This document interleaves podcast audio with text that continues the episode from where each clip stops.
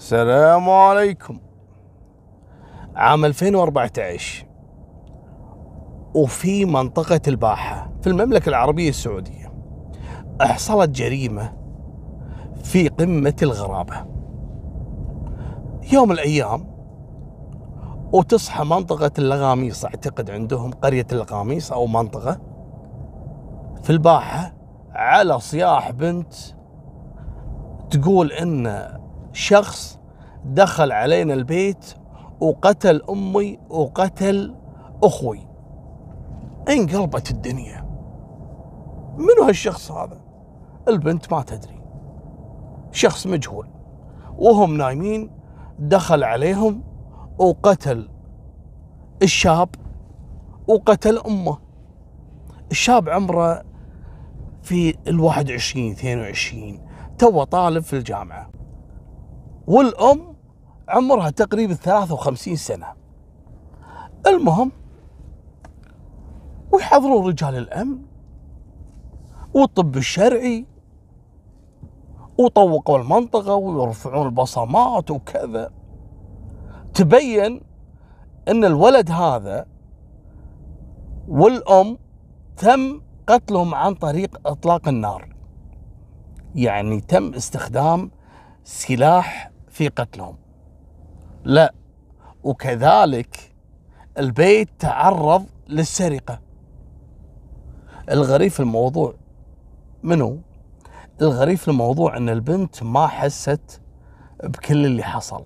يعني كدخول الشخص وسرقة الذهب والأموال وبعدين قتل أخوها وبعدين قتل أمها وبعدين اكتشفت الموضوع.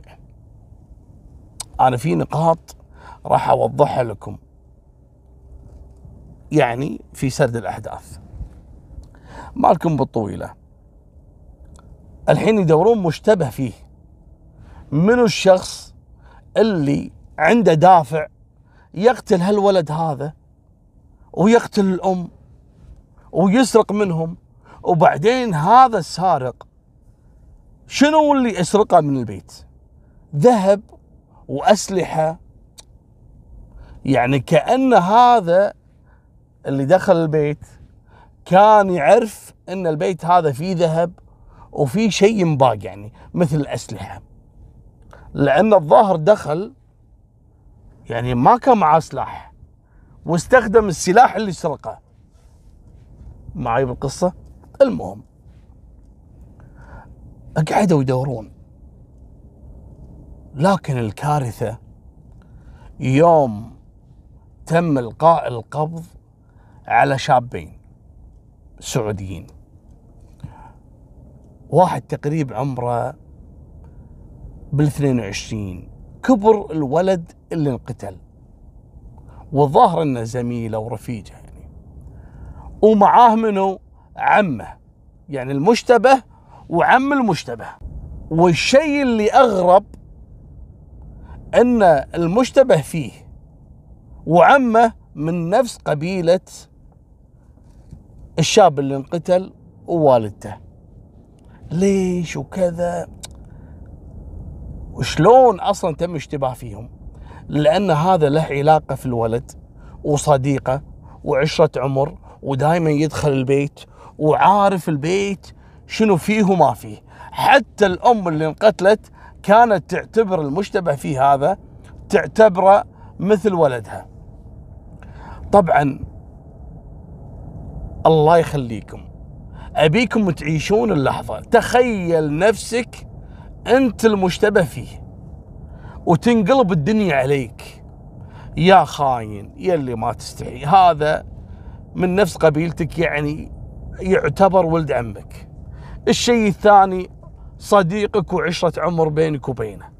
الشيء الثالث العيش الملح اللي بينك وبينه يعني شلون تجرأ إنك تقتل صديقك وتقتل والدته اللي تعتبرك مثل ولدها؟ وراح الكلام والناس يعني أساءت الظن بالشاب المشتبه وكذلك في عمه بشكل لا يوصف. صحف وكلام في هالمدينة وناس يعرفون بعض وطلع الك المهم تصدقون بعد فترة ويطلع المشتبه فيه. وعمه بريئين وما لهم أي علاقة في الموضوع. لا في يوم اللي تم البلاغ عن وجود الجثة في يوم الجريمة. المشتبه في هذا أول ما سمع أن صديقه تم قتله وهو ويا والدته على طول ركب سيارته وطار إلى بيت صديقه يبي يطمئن. صدق الكلام هذا ولا كذب؟ كان خايف عليه ويبكي وحالته حالة. وتم إلقاء القبض عليه لأنه كان المشتبه الرئيسي في الموضوع. تقول زين يا أبو طلال الحين إذا هذول طلعوا براءة شلون؟ لأنهم اعثروا على القاتل الحقيقي. القاتل الحقيقي طلع شاب يمني الجنسية. وهذا الشاب له قصة طويلة عريضة مع والد المقتول وكذلك زوج المقتولة. هذا الشاب اليمني له علاقة مع والد المقتول سابقا وبايع له أسلحة. شاري منه شوازن شاري منه كلاشينكوف شاري منه. أسلحة. فبقى له مبلغ ما أعطاه حقه كامل يعني. فالشاب اليمني قال له قال له زين أبي المتبقي من الحساب يعني. إيش قال الرجل؟ قال له شوف حبيبي أنت مقيم بصورة غير قانونية. وما عندك إثباتات ولا أوراق. وانت أصلا جاي تهريب. يعني والله لو أبلغ عنك والله لا ياخذونك ويرحلونك. فأبلع العافية واحمد ربك إني اعطيتك جزء من حقك اللي هو الفلوس. سكت. وهو فعلا خايف إنه يروح يبلغ عنه وهذا شغال يعني بيع أسلحة وكذا.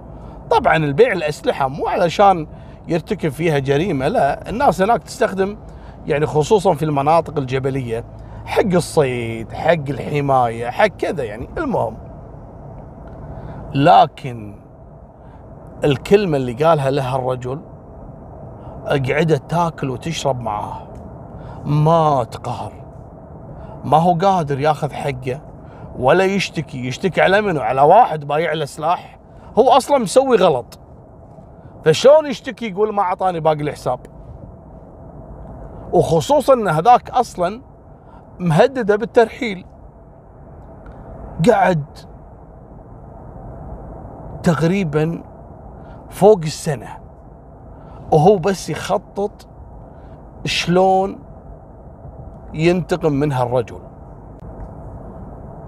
ويوم من الأيام ويقتحم بيت الرجل هذا لما تأكد إنه مسافر ورايح جدة. وهو عارف البيت ما في أحد إلا بنتهم وولدهم وزوجته. فدخل البيت بالليل وهم نايمين وتوجه على طول إلى غرفة الصديق اللي باع سلاح أول وخذ الأسلحة كلها. ودخل إلى غرفة نومهم وخذ الذهب.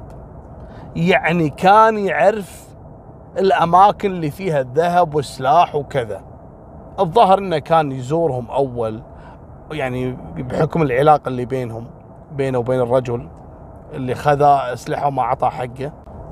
المهم أثناء نزوله من الدور الأول علشان يبي يهرب برا البيت حست فيه الزوجة.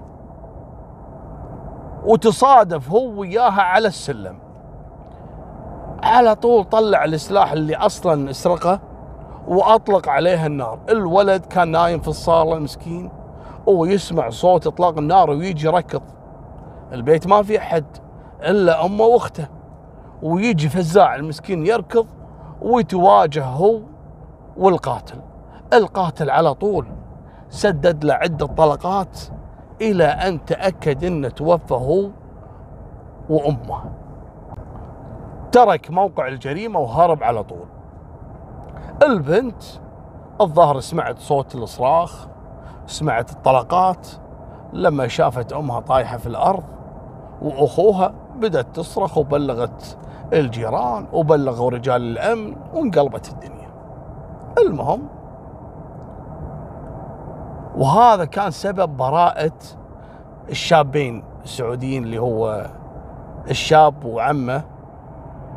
حتى يقول الشاب بعد ما طلع براءة كان مسوي له لقاء. يقول الله لا يحط مسلم في مكاني. إن أقرب الناس لي أصلا كانوا يشتمون ويلعنون فيني. لأنهم اعتقدوا إن أنا فعلا كنت القاتل. وأنا كنت احاول ابين واوضح لكن ما حد يسمع لك. هذه المصيبة إن لا تمشون مع الموجة. يعني قالوا فلان قاتل لازم تنتظر شوي لازم تنتظر. الجريمة دائما خصوصا إذا كان يعني الجريمة فيها قتل ما تقدر تتهم واحد وتوديه بإيدك إلى حبل المشنقة. لازم تنتظر. لأنه ممكن في أحداث ما تخطر على بالك. كان يقول أنا والله لدرجة إن في إمام مسجد إمام وخطيب بعد ما طلع براءة وهم أصلا ألقوا القبض على المتهم الرئيسي واعترف المتهم الرئيسي اللي هو هذا الشاب اليمني ولقوا بصماته فعلا هو وقال لهم شنو أسباب القتل. يقول حتى إمام المسجد اللي كان يعني اساء الظن فيني جاء اعتذر لي. قال لي والله الناس كلها قامت تقول إن أنت القاتل أنت وعمك. فقلت حالي حالهم. المهم مالكم بالطويلة. وتروح القضية للمحاكمة. ويتم الحكم على الشاب اليمني في عام 2017 بالحد غيلة. لأن اقتحم منازل الناس وهي آمنة وسرق الأسلحة وسرق الذهب وأطلق النار على الأم وكذلك على ولدها. وغدر بصديقه اللي هو رب الأسرة هذه بعد ما تأكد أن رب الأسرة أصلا مسافر إلى جدة فاستغل الفرصة ودخل عليه. المهم احكموا عليه بحد الغيلة اللي هو الصلب والقصاص منه وفعلا له صورة في الإنترنت إلى الآن موجودة. رافعينها بكذي برافعة ويصلبونه بحد الغيلة. وهذه نهاية سالفتنا. وفمان الله مع السلامة.